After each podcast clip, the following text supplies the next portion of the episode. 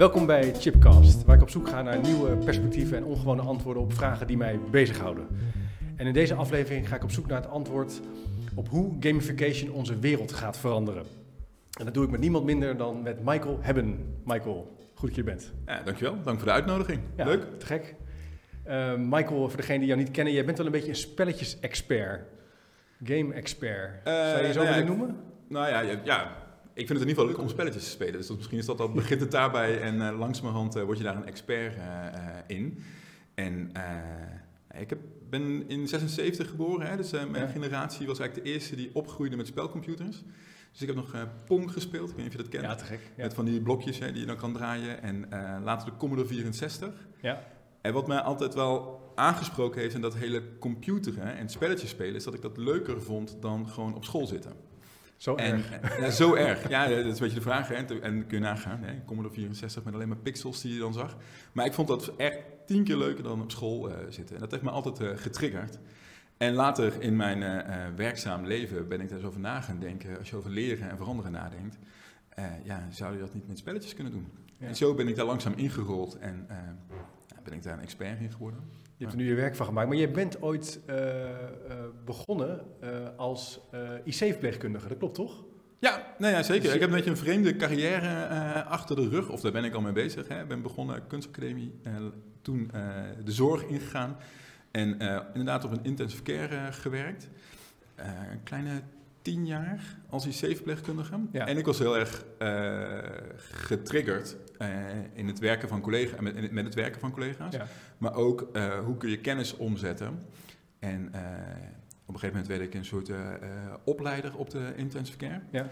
En daar zijn we na gaan denken over hoe je mensen ook in beweging kan krijgen. Zonder dat ik enige didactische kennis of ervaring had. Maar ik dacht, nou, ik werd bewogen door spelletjes. Ik ben gewoon begonnen, ja. Vertel, heb je, wat, wat deed je dan? Dus je was al een beetje met die spelprincipes toen Nou ja, een van de leuke dingen die we wel gedaan hebben, is dat er een probleem in de zorg was, eigenlijk net zoals nu, hè, er zit regulering in en je moest aantonen dat je bekwaam En een van de eisen van dat ziekenhuis was dat je bekwaam moest zijn voor uh, basic life support, dus het uh, reanimeren. En dat gold voor verpleegkundigen als ook voor dokters. Alleen de dokters die kwamen nooit naar de trainingen toe waarvoor dat was. Dus wat we toen hadden bedacht is dat je eigenlijk je toegangscode van je pasje om de parkeerplaats op te komen, die hadden we gekoppeld aan je certificering. Dus als je gecertificeerd was voor Basic Life Support, dan mocht je je auto parkeren. En in dit geval uh, was dat het dat 90% van de artsen niet gecertificeerd waren. Dus die konden de parkeerplaats niet oh, niet te doen. Dus nee, dus er stond enorme rijen bij de slagboom om überhaupt de parkeerplaats op te gaan. Maar die slagboom bleef dicht. En we hebben dat ongeveer een uur kunnen volhouden. En toen moesten we alle, alles intrekken. Want er werden wel heel uh, mensen boos op ons. Maar goed, het was wel een soort eerste instap om te laten zien van... Uh, wat je kan doen, ook Ja. met spelprincipes en spelmechanismes. Dat klinkt, eh, wat voor spelprincipe is dit dan? Nou ja, straffen. Straffen en belonen, hè, dat zit er allebei wel een beetje in. Maar ook al, eh, wat, we, wat er vooral achter lag, was probe- we probeerden aan te tonen dat eh, de zorgorganisatie zei... wij hier werken alleen maar mensen die bekwaam zijn. Ja. En tegelijkertijd waren er ook heel veel mensen die niet bekwaam waren, eh, maar die wel dat heel goed zouden kunnen doen. En we wilden eigenlijk op een ludieke manier dat aantonen. Ja. En we wilden met name het gesprek daarover voeren. En dit zorgde ervoor dat daar eh, iets gebeurde. Gaaf. dat de gesprekken werden gevoerd. Hey, Ja. en eh, jij hebt eh, nu een eigen bureau eh, met Ja. Logic. Dus jij, jij bent echt met een heel team, bouw jij allerlei dingen. Hè? De Ja. gekste apps en de digitale leeromgevingen. Ja, we zijn een soort, eh, we proberen een soort digitale uitvinders eh, eh, te zijn. En we helpen organisaties bij het oplossen van eh, moeilijke vraagstukken op een leuke manier. Ja, En soms doen we dat met technologie en soms doen we dat ook eh, gewoon met papier. ja. Dan krijg je nog een paperspel. En soms is het ook niet alleen een fysiek spel, maar zijn het meer de mechanismes die je daarin in toepast. ja. En kan je zeggen, want bij gamification denk ik altijd een beetje aan die eh, spaghetti challenge, weet je wel. Dat Ja. je met, eh, moet je zo'n hoog mogelijke toren bouwen van spaghetti of van papier. Maar het is natuurlijk veel meer dan alleen een spelletje spelen. Nou ja, je- eigenlijk, je ja, je- er zitten wat, kijk, wat, eh, wat misschien wel aardig is, zoals wij er naar kijken, zoals ik er naar kijk. ehm, eh, we hebben veel meer jongen, voor mij is jong, is Johan Huizinga, zeg maar, de filosoof, eh, socioloog, antropoloog uit eh, Groningen, is een soort grondlegger daarin eh, geweest voor mij. En die heeft het over homo ludens. Ja. Eh, de spelende mens. En die zegt eigenlijk dat eh, spelen altijd en overal plaatsvindt. En dat cultuur zelfs een deel van het spel is. En dat zonder spel geen cult- cultuur. Dus we spelen al de hele tijd. Alleen door organisaties eromheen te bouwen en regels te maken, wordt dat spel een beetje verstomd. En wat wij proberen te doen, is dat weer een beetje open te breken en een ruimte te maken voor het spel. Oké. Dus dat is een beetje die. En uiteindelijk ga je dan ook mechanismes bedenken uh, die mensen daarin helpen. Ja. En kunt vormgeven. En wat is dan een, wat is een spelmechanisme? Kun je er nou ja, wat je, wat je eigenlijk wil, hè, je hebt eigenlijk drie, uh, uh, je hebt een driehoek als je naar gamification kijkt. Je kijkt eigenlijk naar gedrag, uh, naar motivatie en uh, naar beloning. En je wil die drie wil je elke keer beïnvloeden. En gedrag, motivatie en beloning. En je wil, uiteindelijk wil je natuurlijk dat mensen een bepaald gedrag laten zien. Ja. En op beloning de experience. Vervolgens moeten ze ook nog gemotiveerd zijn om dat gedrag uit te voeren. En als laatste moet het ook nog een gave experience zijn. Ja. Dus ik zei wel beloning, het gaat veel meer over die experience. Oké. En dus die drie probeer je elke keer te beïnvloeden.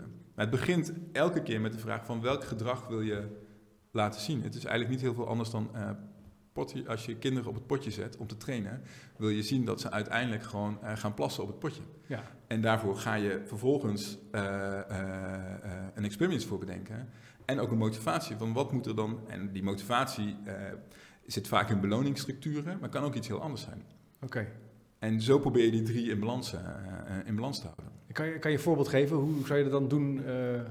Heb je ervaring nou, opgedaan waar dat heel goed werkte? Uh, nou ja, kijk, het, wat we gedaan hebben uh, in een aantal zorginstellingen, dat we zijn gaan werken uh, met game-elementen om uh, verplichte trainingen op die manier in te richten. Het moeilijke zit hem nog wel steeds in dat gedragstukje. dus wat je eigenlijk zou willen is dat mensen dat helemaal vrijwillig zouden gaan doen. Dat is de meest krachtige manier om te gaan spelen, dat mensen daar gewoon vrijwillig instappen. maar de hier, wat hier gebeurde is dat de motivatie vooral kwam uit het feit dat hun uh, trainingstijd gehalveerd werd als ze games zouden gaan spelen. Oké, okay, dus je kon sneller doen. Je kon sneller doen. Dus de, de winst, de tijdswinst, dat zorgde dat mensen daar instapten. Ja. En uh, de ervaring zat hem veel meer in het feit dat ze tegen elkaar konden spelen, dat er een competitie uh, uh, kwam, dat ze elkaar konden gaan uitnodigen.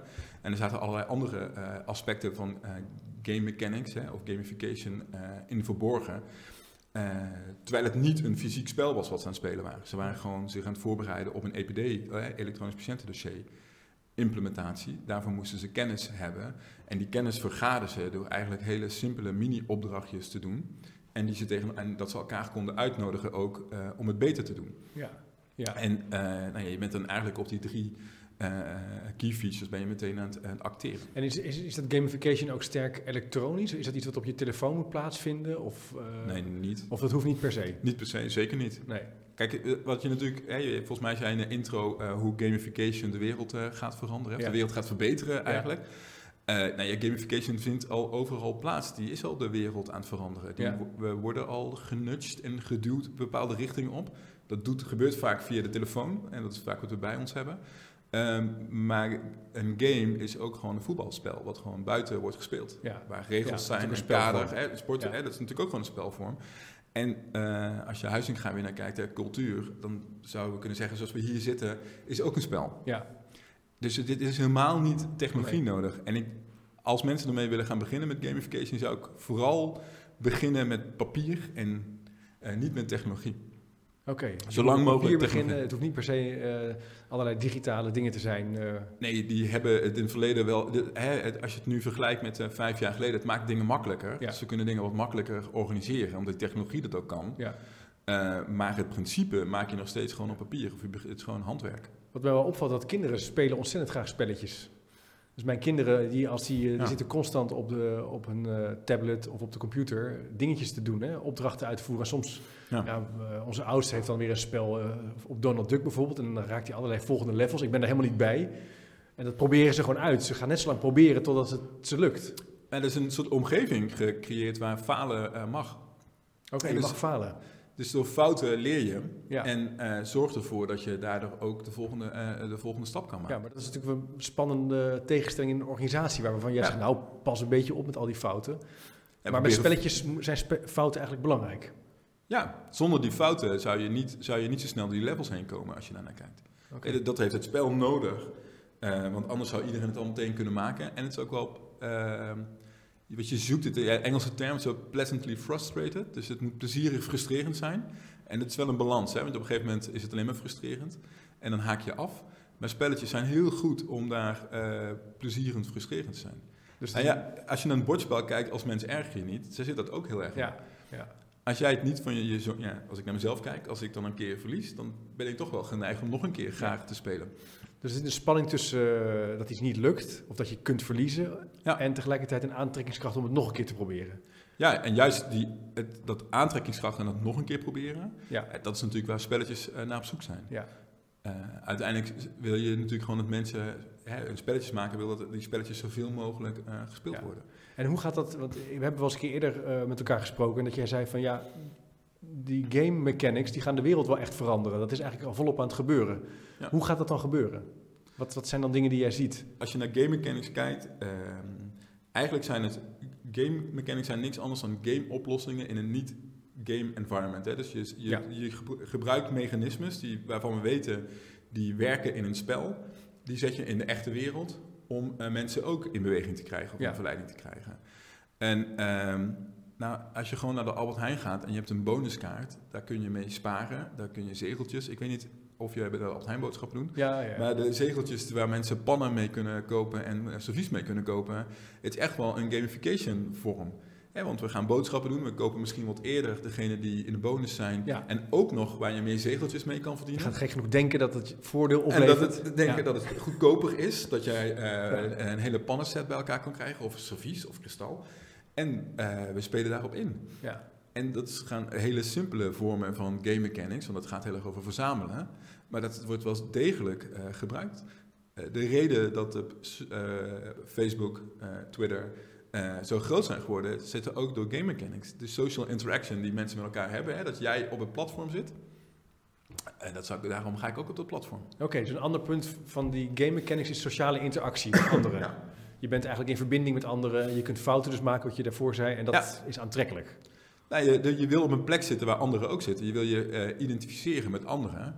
En uh, dat is waar social, uh, sociale media gebruik van maakt. Maar dat is eigenlijk ook waar game mechanics een, en ook games gebruik van maken. Ja. De reden dat mensen Fortnite spelen, als, wat nu een heel populair spel is, ja is voor een deel omdat het gewoon een leuk spelletje is om te spelen, maar ook omdat hun vriendjes erop zitten. Dus je doet het met anderen? Je doet het met anderen. Je dat is eigenlijk wel een, eh, een tegengestelde realisering dan dat je veel ouders en ook wel volwassen mensen, experts, wordt zeggen: ja, kinderen zijn alleen maar alleen aan het gamen. En, uh, ja, ze zijn natuurlijk wel alleen, ze, veel, ze zijn veel aan het spelen, alleen ze spelen ook heel veel met elkaar. Ja. Uh, en dan alleen online. Het is een ander soort variant van samenspelen. Andere realiteit. Ja, maar we hebben uh, ik denk dat we als volwassenen ook niet altijd goed er goed genoeg naar kijken en het goed genoeg begrijpen hoe het in elkaar zit. Uh, maar voor een heel groot gedeelte, als je vroeger in het grasveld af, uh, uh, met elkaar afsprak en daar ging spelen, dan kwam je ook bij elkaar en je ging je hutten bouwen. En de ene ging naar links, de ander ging naar rechts en ging op zijn eigen plekje een hut bouwen. En vervolgens ging je pijltjes schieten, andere dingen doen. Fortnite doet niet heel veel anders, alleen in een virtuele omgeving. En kinderen kunnen dat online met elkaar die afspraak uh, maken. Ja. Kijk, en daarnaast, en dat, dat is, daar herken ik wel ook wel de schadelijkheid in van Fortnite, is dat dat spel is groot geworden omdat je uh, spulletjes kan kopen, spulletjes kan verzamelen. Hè? Dus je kan gekke dansjes doen en je kan uh, skins, euro. zoals dat dan heet, ja. verzamelen. En dat is waar iedereen ook op aanhaakt. Dus naast die sociale interactie, wat gewoon leuk is, kun je ook nog dat andere doen. En die twee versterken elkaar natuurlijk enorm. Want als jij uh, drie coole skins hebt en ik niet, wil ik dat ook. Tja, ja, dus het is, er is een verdienmodel, hè, zit eronder, maar tegelijkertijd is, is het dus niet zoveel anders als vroeger hutten bouwen en op het... Uh... Nou, in, een grote, in een grote lijn is het wat mij betreft, zit er wel een soort... Alleen, ja. maar hoe gaat dit dan de wereld veranderen? Nou, het is meer dat, doordat het al de wereld aan het veranderen is, dus het zit meer in die verleidingstactieken, zeg maar. Dus we kunnen, ehm, nou ja, het voorbeeld dat je nu al begint, als je meer sport, krijg je goedkopere verzekering. Ja, ook een trigger. Nou ja, we bouwen triggers en mechanismes in om mensen in beweging te krijgen om iets voor elkaar. Je hebt een uh, China, en het is misschien niet het juiste voorbeeld om China, maar dat, in China is het al helemaal rond met sociale interactie. Het is een platform en uh, dat houdt bij hoeveel social points ik verdien. Ja. En uh, wij zijn elkaar gelinkt op dat platform. En uh, als ik iets uh, goed doe, ik heb één kind, want dat is wat de overheid wil, krijg ik social points. maar als jij twee kinderen hebt en ik ben gelinkt aan jou, dan gaat dat ten koste van mijn punten. En die social points geven me recht tot eh, huisvesting, tot onderwijs, tot... eh, Een effectieve spel, eh, spelstrategie. Ik weet niet of we Ja. daar heel vrolijk van worden. Dat je Nee, ja, dus- goed, dus dat is natuurlijk wat anders als je dat wil. Maar dat, het gebeurt dus nu langzaam al, gebeurt Ja. het al. En we zijn constant mensen aan het verleiden om eh, meer te kopen, meer dingen te doen, ja, eh, in actie te komen. En dat doen we vaak door game mechanics eh, in te zetten. ja. En, en nou ja, een van die game mechanics is punten verzamelen. Dat is niet een allerbeste game Nee, mechanic. maar het werkt wel. Maar het werkt voor heel veel mensen wel, ja. Ja. De beloning, het vooruitzicht dat je iets krijgt, is toch wel aan, voor heel veel mensen aantrekkelijk. Ja. Dus dat is ook weer een punt van het vooruitzicht dat je iets kunt krijgen, dat je punten kunt verzamelen, dat werkt verleidelijk. Ja, en er zit ook wel, wat ook wel element. interessant is, hè, als je, nu naar, als je daar nu kijkt, is eh, eh, eh, zeldzaamheid of scarcity. Eh, we zijn ook bang om het niet te krijgen. Dus het is niet zozeer belonen dat je steeds meer krijgt, maar bang dat je het mist. Hè, nog één week en dan is, dan, is de aanbieding voorbij. Dat soort principes triggert ons ook om... eh, Want voor het weet hebben we het gemist. Ja, maar het klinkt ook al wel alsof het vrij sterk zich inzet op die economische groei. Hè? Ja, dus het is een zeker. manier om kinderen spulletjes te laten kopen, skins in een spelletje of een eh, Nou ja, het zit hem wel de- met ons allen, eh, niet alleen de kinderen, maar dat, het triggert ook ons natuurlijk ook. Ja.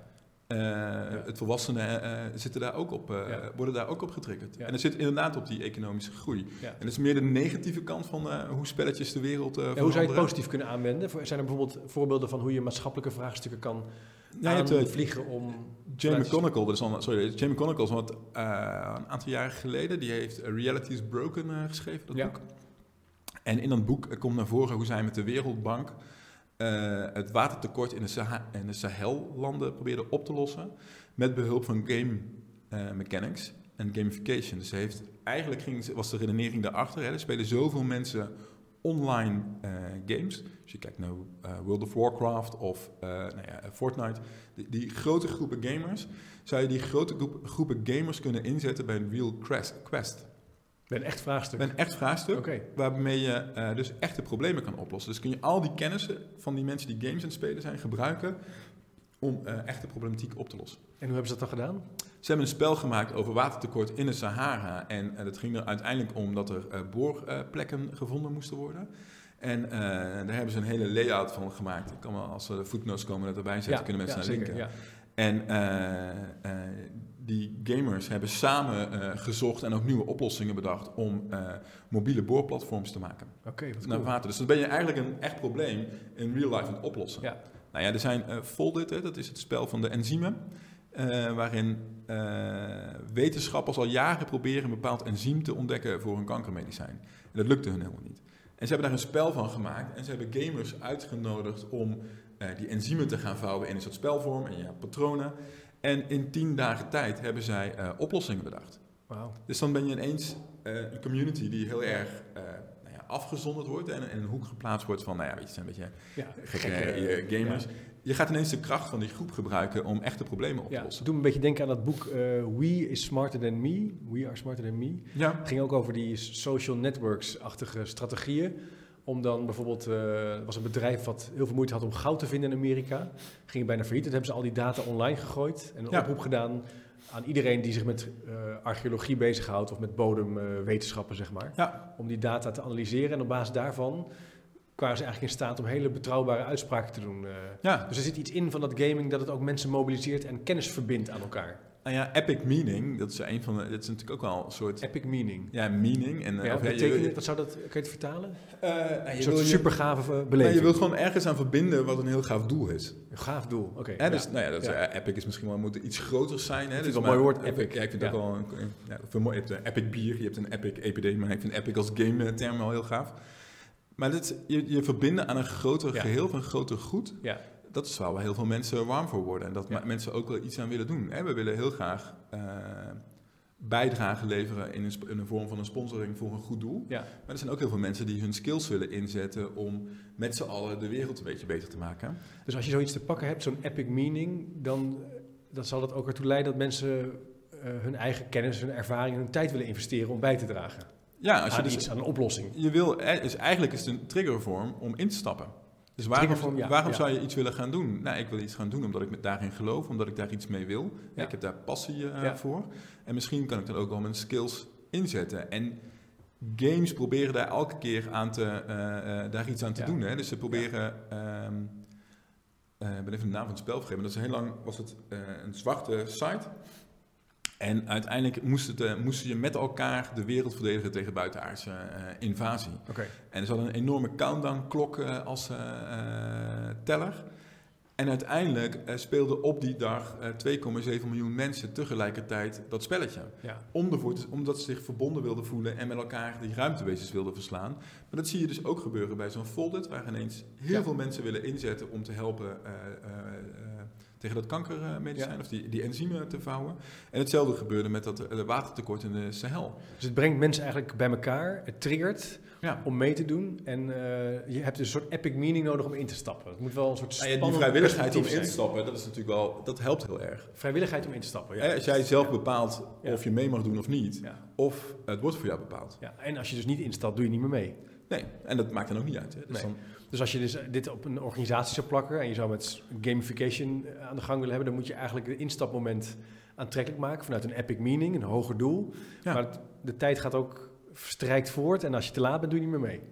ja, dat, en, maar ook wel die vrijheid erin hebben dat het niet hoe. Hè, dus als het niet jouw epic doel is, soms Nee. is het bedrijfsdoel niet jouw persoonlijke doel Ja. als medewerker. En dan zou je dus ook niet hoeven in te stappen. Een soort paradoxale interventie. Je hoeft niet mee te doen, waardoor je juist mee wil doen. Nou ja, misschien is het dan wel heel aantrekkelijk als je ziet dat al je collega's daar toch op instappen. Ja. Dat je denkt, hm, Ja. misschien moet ik ook wel meedoen. ik even meedoen. Hey Michael, ik ehm, wilde nog even wat, eh, nog wat vragen van luisteraars en kijkers aan jou stellen. Want ik heb eh, de oproep Hm. gedaan om eh, nog kritisch aan jou wat vragen te stellen. Hm. Ehm, dus ik ga daar even nog naar kijken. Ja, Wiro Kuipers stelt de vraag: wat is nou eigenlijk jouw persoonlijke speltheorie? En ben je ook gevormd door een bepaalde theorie? Jij zei al iets over vroeger. Nee, Eh, het, de vorming is echt wel, nee, vanuit mijzelf. Hè, ik ben, ehm, eigenlijk was, ben je als kind altijd aan het spelen. ja, Hè, de, wij woonden wat verder af, gingen naar de lagere school, gingen lopend. En dat hele pad naar school was voor mij een soort lavapad. Omdat ik het dan aantrekkelijker maak om naar school te gaan. En ik mocht, als ik op het lava stond, was ik af. Nou ja, ik had een soort spelletje bedacht om de tijd te verdrijven om naar school te lopen. Ja. En hetzelfde deed je met eh grasmaaien. hè. Ik weet niet of je dat herkent, dat je vroeger moest je het grasmaaien. En dan vond ik het zo'n enorm stuk dat ik het in hokjes ging verdelen. Ja. Om het maar kleiner en behapbaarder eh, eh, te maken. Maar als vorming wat later is gebeurd, dan is het echt wel dat spelende mens van, ehm, van gaat. ja. En het is niet een heel makkelijk boek om doorheen te komen, vind ik, de theorie. Maar als je iets over game of de spelende mensen en over gamification Ja. aan een soort basis wil, zou willen weten, dan zou ik eh Huizing gaan lezen. Nou, we zullen, zijn werk zeker even toevoegen aan de speakers notes. Dan Ja, het is overigens het ook, meest vertaalde boek van de vorige eeuw. Samen met Anne Frank. eh, Zo. Of de is schrijver. niet. Jeetje. Nee, de schrijver. Dus Huizing heeft een boek over de middeleeuwen geschreven, dat ik nooit gelezen heb overigens. Nee. Maar, en hij heeft eh, Homo Ludens. En dat Ja. zijn de twee werken die ervoor gezorgd hebben dat het het meest vertaalde, eh, het tweede meest vertaalde boek is. Zou je spelen ook kunnen afleren? We leren het iedereen af eigenlijk. Hè? Ja, doen we dat? Ja, we, we geven heel veel ruimte eh, aan kinderen om eh spelende wijze te leren. En vervolgens stoppen we zijn allerlei keurslijven Ja. en eh, richtlijnen. En we proberen spelen zoveel mogelijk af te leren. En hoe, hoe leer je dat dan af? Door, door die Ja, fantasie repressie, hè, fantasie, maar ook re- repressie en heel veel regels. En fouten maken mag af dat- te straffen. Dat vind ik eigenlijk heel interessant. Jij zei net ook, je moet fouten maken om te leren. En dat is eigenlijk iets wat we dus langzaam... Het examen is natuurlijk ook opgericht om geen fouten te maken. Ja, terwijl het veel interessanter zou zijn van hoeveel fouten heb je eigenlijk gemaakt. Ja, holy shit, dat is wel een totaal ander perspectief. Nee, maar dat zou toch, dat zou toch veel mooier zijn om met Ja. elkaar te gaan kijken Ja. van in het Ja. examen van eh, hoeveel fouten zijn er eigenlijk gemaakt. Want blijkbaar zou, zou je hem ook kunnen omdraaien. Dan is het een soort outcome dat je eh, of te weinig gepresteerd hebt als student. Of dat je als docent misschien wel niet voldoende of het verkeerd hebt uitgelegd. Eh, Maar als we zijn iemand- natuurlijk gewend om... Onderwijs komt eigenlijk voort uit, uit ons industrialisatietijdperk... Ja. waarin we dachten, nou, die mensen, kinderen of jonge mensen... moeten geen fouten Ja. maken. Die moeten we leren om een machine te bedienen. Nou, lezen en schrijven is natuurlijk wel wat iets anders. Maar ook daar is discipline heel lang een, een- onderdeel geweest van de leeractiviteit. En pas nu zijn we wat meer die ruimte voor innovatie en creativiteit aan het opzoeken. ja, maar, zeggen dus- we eigenlijk heel snel van ja, dat, dat is niet evidence-based en zonder kennis is het niks. En daar ben Nee. ik ook alweer gevoelig voor. Nee, dat, ja, klopt. En tegelijkertijd kunnen we natuurlijk ook als je al heel lang teruggaat eh, in de geschiedenis, zijn mensen al 10.000 jaar, 20.000 jaar aan het op een spelende manier aan het leren. Ja, Eh, we leren eh, dat iets warm is door onze vinger tegen het vuur aan te houden. ja, En het, als eerste reactie krijg je vanzelf terug dat vuur wel heel pijnlijk is als je daar je vinger Het is tegenaan een constante trial and error. Het is een constante trial and error. En dat is wat spelen natuurlijk heel erg doet. Het tast ook regels, het tast autoriteit. eh, eh, het checkt hoe de verhoudingen zijn tussen jongens en meisjes Ja. en tussen vriendjes. Ja, En eh, als je die ruimte wegneemt, dan ja, krijg je allemaal mensen die in dat keurslijf gaan Ja. lopen. ja. En wat je juist wil, is dat mensen eh, daar wat meer ruimte in krijgen. En dat ze ook zelf keuzes kunnen maken. Hè? Zelfregie. Ja, maar nog even terug naar jouw voorbeeld van eh IC-verpleegkundige. D- Ja. d- Daar zou, als ik straks mijn been breek, zou ik het helemaal niet leuk vinden als ze fouten gaan maken. Dan Nee. wil ik natuurlijk dat ze dat gewoon goed doen en dat die arts eh, liefst vaker mijn been heeft gezet. Ja. En eh, nou, niet een vieze naald gebruiken, maar iets raars. Hoe, dus aan de ene kant zijn er ook natuurlijk professionele organisaties die zich hebben ingericht op het niet maken van fouten. Dus hoe zit dat dan? Nee, ja, tuurlijk, maar dat is, dat is vanuit de, de outcome. Je uiteindelijke outcome moet positief zijn, zeg maar. En dus als je dat spel kijkt bijvoorbeeld, dan eh, leer ik door fouten te maken. Ja, Maar uiteindelijk moet ik een, eh, een eindbaas of een levelbaas verslaan. En die kan ik alleen maar verslaan als ik geen fouten maak. Ja. Dus de out, alleen de, de, de, de, de weg ernaartoe, daar moet ik wel de ruimte hebben om fouten te kunnen maken. ja, Om, en als ik naar de IC kijk en eh, die dokter of naar die IC-verpleegkundige, die moet wel de ruimte krijgen om in zo'n ontwikkeling, eh, om jou dat been eh, goed te verplegen of te verzorgen, in die weg ernaartoe wel de ruimte heeft gekregen om fouten te, Ja. te mogen maken. ja, zou je het kunnen simuleren bijvoorbeeld? Dat hoeft En niet meteen simuleren en meekijken. meekijken en Ja. nou ja, maar ook soms. De- kijk, de- het risico in de zorg is natuurlijk als er een fout maakt dat de consequenties veel hoger zijn. Dus daardoor probeer je dat Ja. helemaal weg te, eh, eh, te halen. Maar je zou wel kunnen si- eh, in simulatieonderwijs dat spelenderwijs kunnen leren. En ook wat nog veel interessanter is om te zien wat de consequentie is van als je een fout maakt. Ja, dat je het effect kan zien van je gedrag. Ja, als je dat ziet, dan is het misschien wel veel leerzamer. Ja. Hè, in een gesimuleerde setting dan. Ja, kan je even zeggen, wat bedoel je met een simulatieomgeving? Nou ja, kijk, wat we nu ehm, aan het doen zijn, is eh, bijvoorbeeld video's aan het maken. En je kan dan eigenlijk kiezen wat de outcome moet zijn van de video. Dus je hebt eigenlijk drie verschillende scenario's. En op basis van wat je ziet en je krijgt een aantal vragen, bepaal je, oh dit wil, dat, dat, dat, moet antwoord A zijn. Kan je een voorbeeld geven? Eh, nou ja, het is eigenlijk heel simpel. Je kan wat we nu doen zijn met eh, in de zorg. Je ziet dat je een bepaalde handeling moet doen. In dit geval Ja. een infuus moet klaarmaken. En eh, dan krijg je een soort eh casusstukje. Eh, de infuus eh, moet op deze manier erin. Dat moet zoveel cc bij dit ziektebeeld. En is dat dan antwoord A, B of C? En als je dan antwoord A indrukt, zie je wat de consequentie is van de keuze die je gemaakt hebt. En misschien kan dat zijn dat je inderdaad de juiste keuze hebt gemaakt. En dan zie je eigenlijk een patiënt Opknappen. tevreden opknappen. Of je ziet een patiënt zieker worden. Of je ziet een collega ineens gestrest rondlopen. Eh, waarmee je ook dat trial and error probeert te visualiseren. Oké, je moet eigenlijk een beetje kunnen doorspoelen en kunnen zien wat is het effect van mijn gedrag. Ja, Dat, omdat dat- daar ook wel, omdat je in mijn optiek je leerrendement ook veel groter eh, Ja. van is. Ja. Als je altijd de juiste antwoorden krijgt, Ja. en nooit ziet wat het tegenantwoord kan zijn, of wat het, eh, het foute antwoord kan zijn, of de consequentie van jouw foute keuze kan zijn, denk je daar steeds minder over na. ja. Cool, oké, leuk. Nog eens een vraag eh, van een van de Ja, ik weet niet of ik de vraag nu echt heel goed beantwoord heb, volgens mij, zijn, maar dat maakt niet uit. Eh, nou ja, jawel, je persoonlijke speltheorie en uh, nou, die is homo ludens. Ja, homo ludens en die, nou ja, wat we straks Ja. al zeiden, hè, dat experience, gedrag en motivatie. Dus ja. dat zijn de drie Ja. belangrijkste pijlers waar je het elke keer op probeert aan te passen. Ja, ja. En ehm, eh, wat is nou de essentie van een goede game? Vraagt Jelger Spijkerboer. Dat je hem leuk vindt. Kijk, uiteindelijk is, los van als je dus een beetje, als hij hier bedoelt echt een game, Ja, is het vooral ook echt leuk vinden. Ik bedoel, Ja. uiteindelijk speel je games omdat Ja. het leuk is. Je verdient er niks mee, je wint er niks mee. Je speelt, het is meer hoogstens dat je vrienden online zitten. Eh, maar je speelt om een leuke ervaring. Dus dat moet het vooral zijn. En dat kan heel wisselend zijn. Hè. Voor de ene is een Sudoku een prima game omdat hij daarin getest wordt. En de andere die gaat eh, helemaal wild op veeën en elfen en tovenaars. ja, Maar in principe, en dat is ook wat interessante, doet een, is een game gemaakt om jou een leuke tijd te geven. ja. En alleen als je dan, waar, waar je door getriggerd raakt, is dat zoveel mensen zoveel tijd spenderen voor niets. Dus daar moet iets in zitten wat heel aantrekkelijk ja is. maar zou het ook iets kunnen zijn dat je het wil uitspelen of zo? Dat je, ik heb Tuurlijk. spelletjes op mijn telefoon. Ik heb nu een nieuwe telefoon. En wil ik nieuwe spelletjes. Dan wil ik ook iets uitspelen of zo. En dan is dat steeds moeilijker. Dan, Ja, maar Tetris is een spelletje wat je nooit kan uitspelen. Terwijl dat mensen Nee, dat is waar. enorm veel volgers heeft gehad dat mensen Tetris aan het spelen zijn. ja. Of puzzels, dan gaat het alleen maar over tijd en eh, punten die je kan verzamelen. Maar je Ja. speelt het nooit uit. Nee. Dus het, maar het- wat ik eh, nog steeds elke keer interessant vind als ik naar spellen kijk, is dat het eigenlijk zinloze tijdsverdrijving is, hè, tussen haakjes. Maar wel zoveel miljoenen, eigenlijk miljarden mensen mee bezig zijn. Ja. Dus er zitten aantrekkelijke mechanismes in Ja.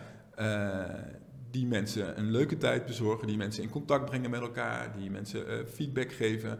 En kun je dat soort mechanismes dan ook in die werkelijkheid Ja, terugzetten? ik- Oké, dus dat kan je nog. Laten we dan nog eens kijken naar hoe, hoe, dat, hoe een goede gamer in een organisatie uitziet. Hoe zou je daar. Heb je al een aantal dingen voor genoemd? Hè? Het moet zo'n epic meaning hebben. Eh, ja, idealiter, hè? je wil eigenlijk vrijblijvendheid hebben. Hè? Mensen moeten vrij, vrij kunnen instappen. Ehm, wat je daarnaast zou willen is het... Het gaat weer heel erg... Wat voor gedrag zou je willen, wil je zien? Wat wil je realiseren?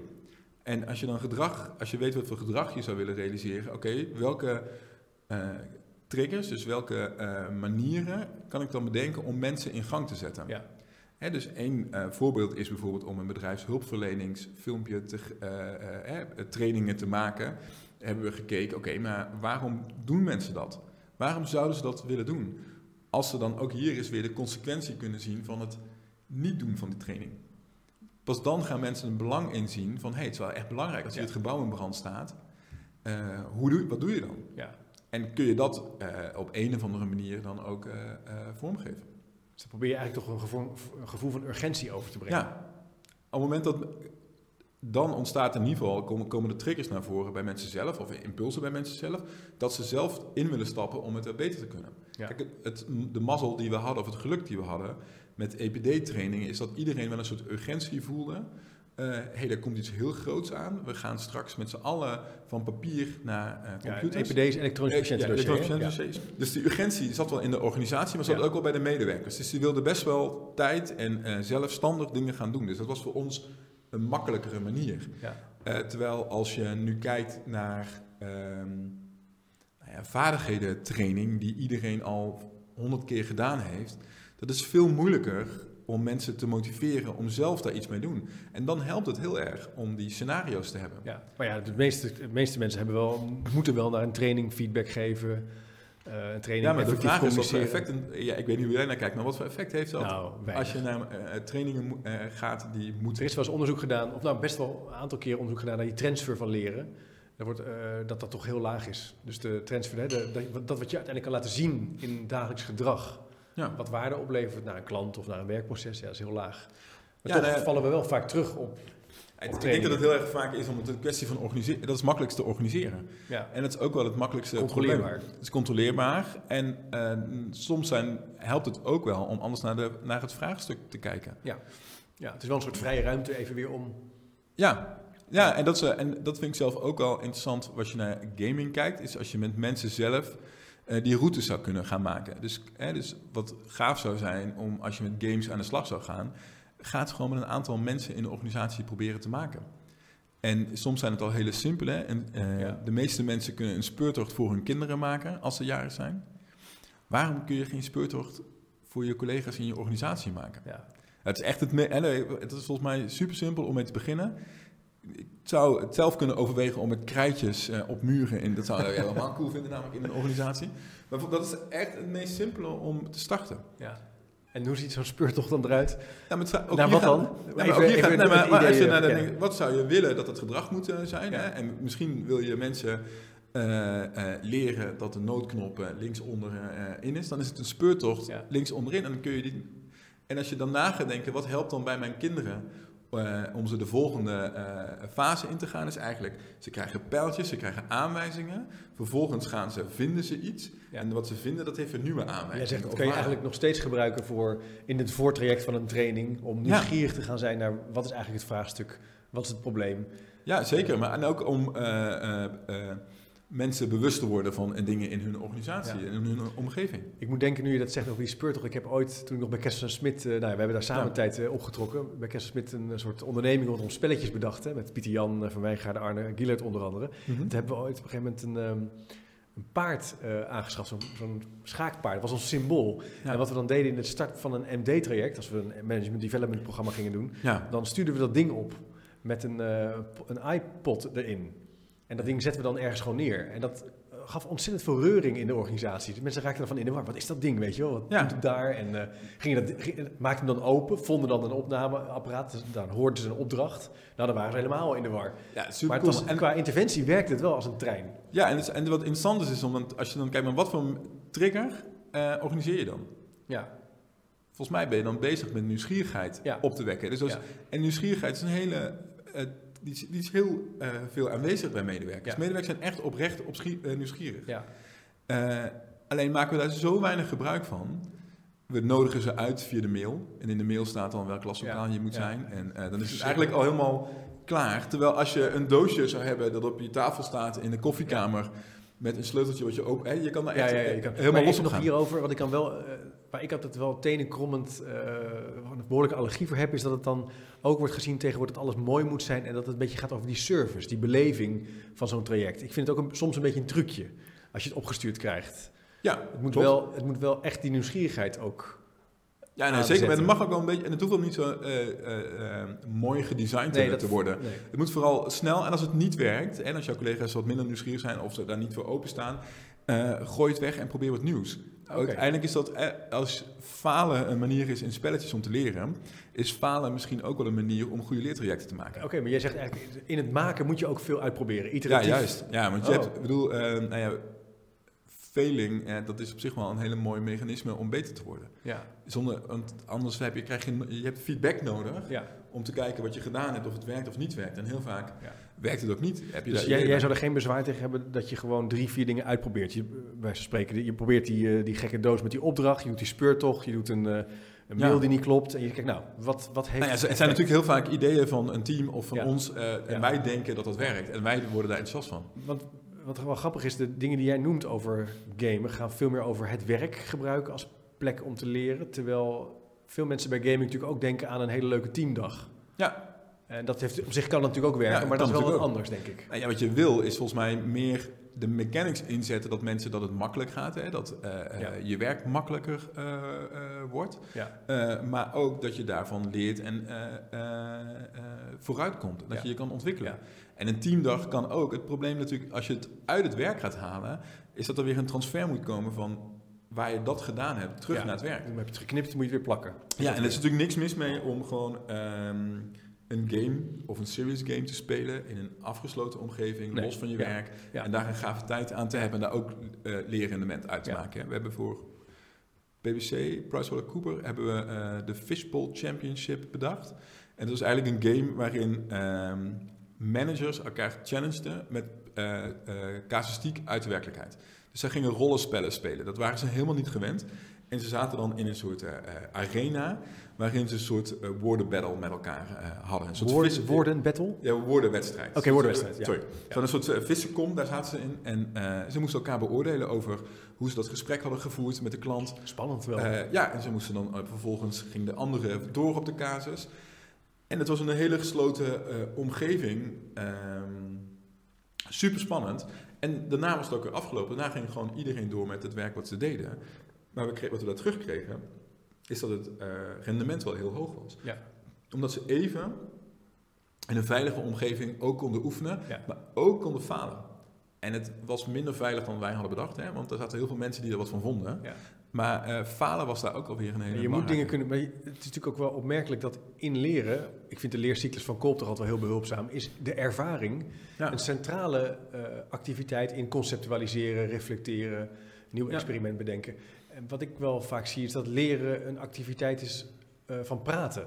Ja, nou ja, en we halen leren, we ver- kan verwarren ook het met alles. Hè? Het kan natuurlijk, maar we verwarren het met heel veel. We vinden, eh, nou ja, in, in bedrijven waar ehm, bekwaamheid, aantoonbaar bekwaamheid gedaan moet worden, wordt dat ook benoemd als leren.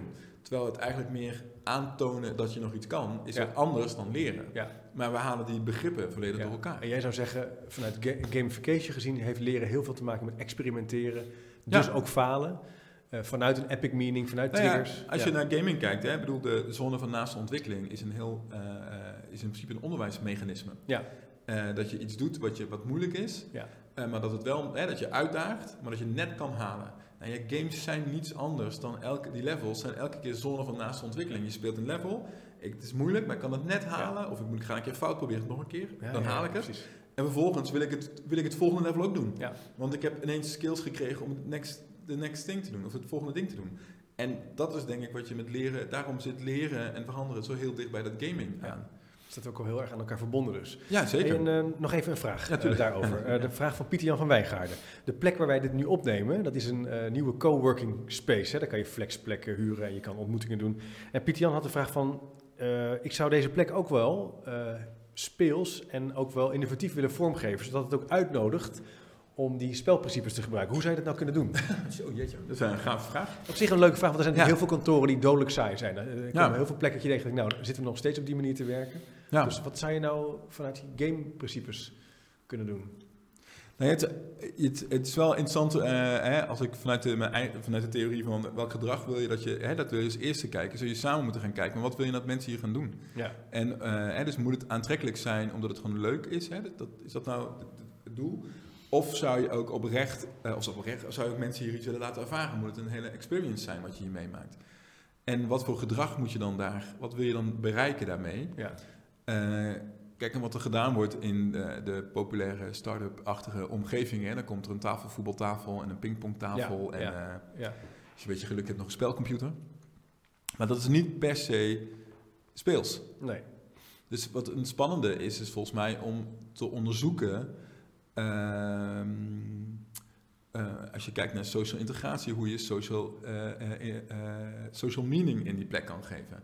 Eh, epic meaning, waarom kom je hier samen? Kun je, als je hier gaat werken, bijdragen aan iets groters? En dat zou, zou, ik volgens mij wel een gave eh, uitdaging vinden om dat te kunnen vormgeven. Ja, dus die bijdrage aan een groter geheel. Nou ja, stel, ja, stel nou dat iedereen die hier komt, hè, eh, gemiddeld werken hier mensen eh 30 uur per week of eh, 28 uur per week. En twee uur van die tijd zou je dan in gaan zetten voor een groter doel met elkaar. Ja. Al die mensen die geen, in principe qua werk niet een verbinding hebben, maar allemaal skills hebben. Ja. En die skills ga je samen inzetten voor een groter doel. Ja. Nou, Dat dan, dan, heb je, dan ben je al op een hele andere manier. En dat is een deel, als je hier dus instapt, hè, vrijwillig. eh, is de consequentie van dat je hier instapt, moet je deelnemen aan dat eh, grote spel. Ja. eh, om ergens een probleem op de wereld op te lossen. Ja. Met de deelnemers die hier in dit huis zitten. Kijk, nou, daar kan je wel, daar, daar kan je wel wat mee. Nou ja, dat, zo- dat, zou mijn, dat, ja, dat zou mijn eerste associaties zijn. Maar ik denk wel dat dat wel een gave manier is. Ja. En ook wel een reden is voor mensen om in te stappen. En ook een reden voor mensen om niet in te stappen. Hè, dus dat, Nee, want ik doe ook denken aan zo'n plek als dit zijn natuurlijk allemaal zelfstandige ja. of kleine ondernemingen van vier, vijf mensen. Die hebben allemaal hun eigen ding. Dus je- Ja. als je een hoger doel hebt, kan je een beetje je eigen ding doen in dat hoger doel. Hoef je niet meteen eh, in enorm grote overleggen en samenwerkingsprojecten te stappen. Nee, maar je moet dan wel, de- je moet wel regels en kaders gaan scheppen. Hè? Dus je moet dan wel zeggen, nou weet je, we hebben, om dit te realiseren hebben we Ja. x aantal uur van iedereen per maand of per jaar hè, eh, Ja. nodig. Ja. En eh, daarbinnen moet dat zich kunnen afspelen. Ja, dus je hebt wel een vorm van begrenzing nodig. Ja, nou ja, in principe elke spel heeft regels. Hè? En je, door, door erin te stappen accepteer je de regels die je met elkaar hebt afgesproken. Als je voetbal als meest makkelijke vorm, daar zijn gewoon spelregels. Dus je hebt wel regels nodig. Eh, nou, je hebt in ieder geval afstemming tussen de, de spelers nodig en dus ook regels. Ja. En het grappige is dat natuurlijk in sommige spellen ook alweer de regels eh, gebogen kunnen worden of uitgerekt kunnen worden. Maar in een spel, eh, om dat zich te kunnen eh, voltrekken, heb je wel regels nodig. Er zijn ook spellen die je zelf kan maken hè, door te spelen. Dus de, Ja, worden, ontwikkelen zich verder. Ja, hè, en Minecraft en zo en al die landen waar mijn kinderen nogal mee druk mee zijn. Nou ja, volgens mij zit in, ook in Fortnite zit een bouwvariant Ja. waarin je je eigen dingetjes kan bouwen en grotere werelden kan maken en uit elkaar kan. ja. Leuk. Kijk, ik pak nog even één vraag eh, van, even kijken, Sam van Geffen. Mhm. Die zegt, nou, wat zijn nou voor jou de belangrijkste ontwerpcriteria als je aan de slag gaat? Dus als je met dat gamen en die gamification, je komt een vraag tegen van een, eh, van een opdrachtgever, wat is voor jou echt wel... Ja, het is een beetje flauw, maar je komt wel echt. je- Ten eerste, je moet toch weer kijken wat is nou uiteindelijk je Ja. doel? Wat wil je nou gaan bereiken? Ja, Eh, en hoe wil je dat gaan voor? Dus niet, wat wil je gaan? Wat moet je gedrag weer? Wat moet het je opleveren Ja. aan het eind? Ja. En eh, afhankelijk van eh, je mensen ga je bedenken: oké, maar hoe gaan we die dan in beweging eh, zetten? Zijn ze er al heel hoog voor gemotiveerd of zijn ze met minder moeten gemotiveerd? Hebben ze heel veel. wat is het verschil als iemand heel laag gemotiveerd is of hoog gemotiveerd is? nou ja, het is meer als voorbeeld. Stel je hebt een, een taak dat je hele zware stenen moet tillen. Dan ben je super voor gemotiveerd, maar je hebt niet de fysieke kracht om dat te doen. En dan helpt die motivatie je niks. Nee. Je kan hoogstens dat de motivatie dan zegt, nou dan ga ik meer trainen en uiteindelijk kan ik dat. Eh, als ik die skills wel heb en heel slecht gemotiveerd ben, dan moet ik dus meer op die motivatie gaan zitten. Moet ik daar gaan kijken hoe ik diegene vooruit kan krijgen. Uh, en anders moet ik veel meer op de skills gaan zitten. Ja. Dus op basis daarvan kun je natuurlijk wel uh, interventies gaan bedenken. Zo, en, maar dat impliceert ook dat je iemands anders motivatie kan aanwakkeren. Ja. dat is wel de bedoeling met, met Nee, maar volgens mij hebben we het straks helemaal in het begin over hebben. Kun je constant mensen's motivatie aanwakkeren. Ik bedoel, de Albert Heijn wakkert koopgedrag aan. Ja. Het is niet anders dan die bonuskaart, zeg maar. Nee, die zit in de, in de bonuskaart, maar we doen het natuurlijk op allerlei manieren. Hè? Dus we zeggen, en vaak doen we dat door belonen en straffen. Hè? De, de, de, uh, de wortel en de stok. Uh, maar er zijn veel meer mogelijkheden om mensen uh, te belonen. Ja. En een van de dingen wat wel leuk was, dat we, wat we in, een aantal zorginstellingen hebben gedaan, is dat mensen dan konden gaan lunchen met de raad van bestuur, waarin ze dan hun ideeën of hun problemen mochten gaan pitchen. Dus de beloning om mee te doen, er zat niet een soort financiële beloning in, maar er ontstond ineens de mogelijkheid om je eigen ideeën in te brengen. Ja. Dus het zit hem dan ook wel in, in hele andere vormen van beloning uh, bedenken of waarom mensen iets willen gaan doen. En ook alweer die leefomgeving vergroten van die professional, die in aanraking komt met iemand anders. Ja. Die misschien wat meer invloed heeft of wat exact. anders kan betekenen. En dat is natuurlijk misschien wel veel interessanter dan een uh, iPad winnen. Ja. want dat is een beetje de, de wat je heel veel ziet. Natuurlijk gewoon, ja, maar dat is een beetje waar we het, ieder, wat je ziet bij gamification, of bij, is dat mensen in badges en punten denken. En dat dat het dan is. Hè? Als ik maar gewoon een puntsysteem heb en ik geef beloningen, dan, uh, dan hebben we het gegamificeerd. Dan is het klaar. Ja, jij zegt eigenlijk, het begint eerder. Wat voor gedrag wil je? Hoe zit het met iemands motivatie? Kan je een epic meaning eraan koppelen, een hoger doel? Ja. Kan je grenzen oms, uh, omschrijven en definiëren waarbinnen een spel zich plaatsvindt? En kan je de sociale interactie vergroten? Ja. De ontmoeting eigenlijk versterken. Ja, ja zeker. Ja. En nou ja, weet je, als je, collega, als je weet dat je collega meedoet, dan is de kans al, is alweer wat groter dat jij ook wil meedoen. Ja. Dus daar zit natuurlijk wel echt uh, elke keer ook de, de zoektocht in hoe je dat voor elkaar krijgt. Ja. En uh, soms is het ook gewoon fysiek zichtbaar maken.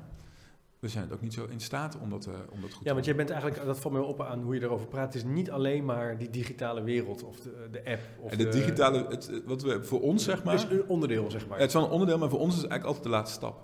Oké. Dus uh, dat, uiteindelijk kunnen we digitaal best wel veel oplossen en bedenken. Maar als je het proces of de route er naartoe niet goed ontwerpt, ja, dan, is, dan, dan heb je nog steeds, nog steeds een heel slecht digitaal uh, verhaal. Ja. Het is meer de, het is een, uh, het is een middel, dus geen doel op zich. Ja, nou, mooi gezegd. Leuk. Nou, te gek om zo met je over in gesprek te zijn. Ja, ja super gaaf. Ja, leuk. Heb je nog uh, laatste reflecties over gamification die je nog ons wil meegeven? Of ideeën over de toekomst? Nou ja, ik denk dat, dat, dat, gaming nog steeds nog veel groter gaat, gaat worden. Hè. Dus ik ben, is een filmpje volgens mij uit 2005 van een Israëlisch gamebedrijf... waarin dan mensen een lens, in plaats van de Google Glasses, een lens in doen... en alles in de wereld is gegamificeerd. Ja. En zo'n vaart zal het niet gaan lopen. Maar het is interessant om te kijken of je uh, de game mechanics, de juiste game mechanics, kan gebruiken om mensen in jouw organisatie uh, in beweging te krijgen. Ja. En dat er ruimte gemaakt moet worden voor falen, dat dingen niet altijd lukken. Ja. En dat er ruimte is ook om te spelen, dat er ruimte is om te proberen. En dat, je, dat ideeën dus ook mogen falen dus als, het, als je het gaat, wat je heel veel ziet nog, is dat het heel veel als een project wordt gezien. Met een kop en een staart. En het is veel meer proces. Een gameproject. Het is een gameproject, en het is veel meer een proces. En soms werkt het nu en morgen of overmorgen niet meer. En dan zul je dat toch weer moeten gaan aanpassen. En dat hoeft er niet klinkt helemaal. Ook, klinkt ook bijna wel als een filosofie misschien. Manier van kijken waarin je mag fouten maken, mag experimenteren. Dat dat een ruimte is om elkaar te ontmoeten. Nou ja, en ook dat je als organisatie groeit als er meer ruimte is uh, om te spelen. Ja. En uh, nou ja, niet voor niets dat we vanuit Huizinga uh, vaak denken, hè, die zegt als je dus niet meer speelt, dan verstenigt de cultuur, ja. dan verdwijnt de cultuur. Dus dat is ook een organisatie zo. Dan, als je niet speelt, krijg je gewoon een verharde en uh, een rigide organisatie, terwijl je volgens mij heel erg op zoek bent, of iedereen is heel erg op zoek naar flexibiliteit. Ja. En daar is spel een hele belangrijke, kan daar een hele belangrijke rol in spelen. Ja nou, ik zou zeggen, ruimte om te spelen, eh, hè, zodat het niet versteend en de organisatie aantrekkelijk blijft. Je moet dus je eigen speurtocht maken in je, ja, organisatie en ja. dingen uitproberen. Leuk om met je over in gesprek eh, te gaan. Ja, dankjewel. Dank voor je tijd. Ja, super. We hebben best wel een aantal bronnen ook genoemd. Ik kijk even in de camera. Die bronnen ga ik op de speakers note zetten, zodat ja. we, je die rustig kunt teruglezen. Een aantal boeken die je noemde, een aantal websites, een aantal spelletjes. Dus die eh, Kunnen kunnen een hele lijst zullen we opzetten. die kunnen we Die- meteen die gaan kan spelen. spelen. Ja. Ja. Ik zou zeggen, als je het eh, leuk vindt om mee te doen, ga naar www.chipcast.nl slash doe mee en meld je aan. Dan krijg je elke week automatisch eh, de nieuwste updates en antwoorden over eh, spannende nieuwe vragen en inzichten. Dankjewel voor jullie tijd en tot de volgende keer. Thank you.